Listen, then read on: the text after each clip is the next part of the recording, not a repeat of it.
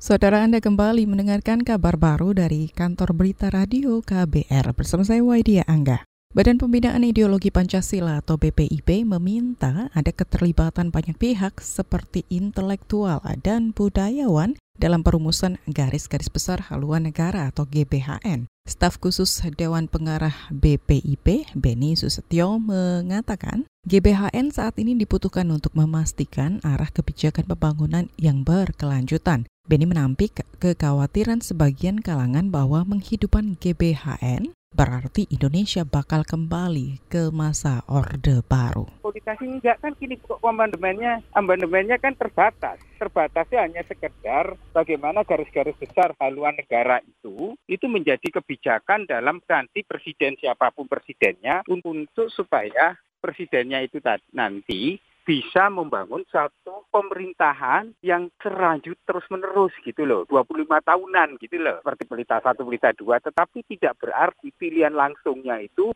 diserahkan ke MPR tidak itu terbatas. Staf khusus Dewan Pengarah BPIP Beni Susetyo sepakat GBHN disusun kembali oleh MPR itu sebab fungsi MPR harus dikembalikan sebagai lembaga tertinggi negara lewat amandemen konstitusi. Meski begitu, Benny menjamin kewenangan MPR tak bakal sebesar saat Orba yang bisa memilih dan memakzulkan presiden.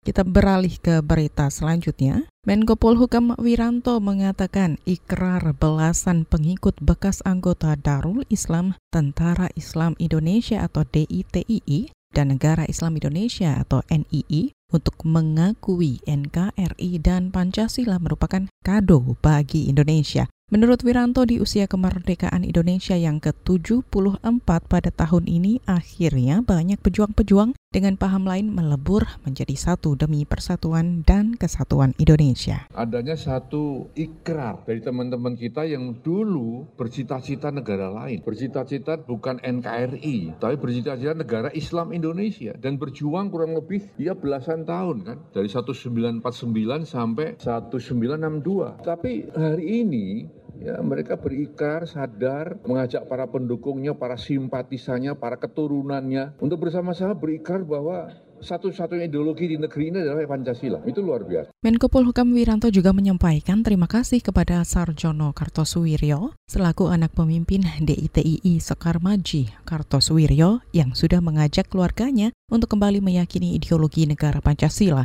Sementara itu Sarjono Kartosuwiryo mengatakan Pelaksanaan ikrar setia kepada Pancasila dan NKRI tidak dibarengi pemberian janji atau tuntutan apa pun. Sarjono mengaku perbedaan dan perpecahan bangsa hanya menyisakan kesengsaraan saja.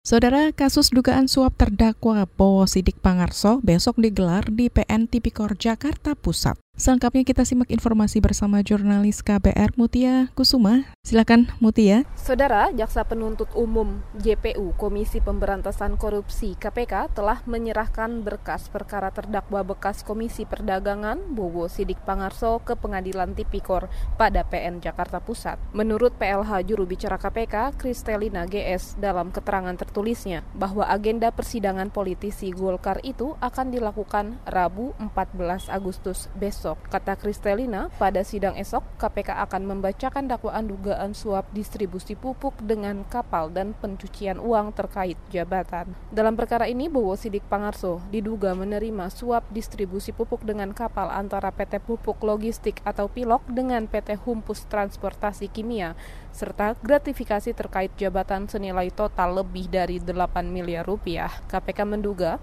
Bowo menerima gratifikasi dari sejumlah pihak, salah satunya terkait peraturan menteri tentang perdagangan gula kristal rafinasi melalui pasar lelang komoditas padahal saat itu ditentang oleh sejumlah fraksi. Dari Gedung Merah Putih KPK, Mutia Kusuma Wardani untuk KBR.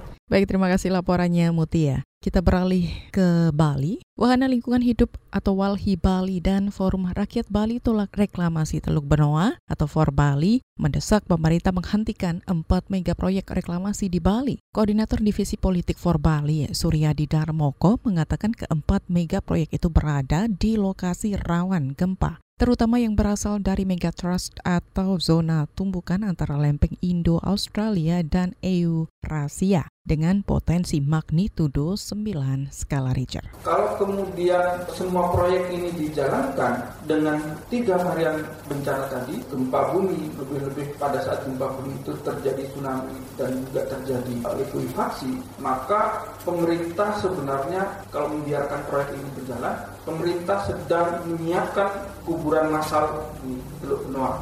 Aktivis Forum Rakyat Bali Tolak Reklamasi Teluk Benoa, Suryadi Darmoko, mengingatkan kalau empat mega proyek reklamasi itu dilanjutkan, maka akan menarik banyak orang ke pesisir selatan Bali, sehingga dikhawatirkan memunculkan banyak korban kalau terjadi gempa megatrust. Empat mega proyek reklamasi di Bali itu adalah reklamasi Teluk Benoa, perluasan Bandara Ngurah Rai, perluasan Pelabuhan Benoa, dan juga pembangunan Bali Sport Hub.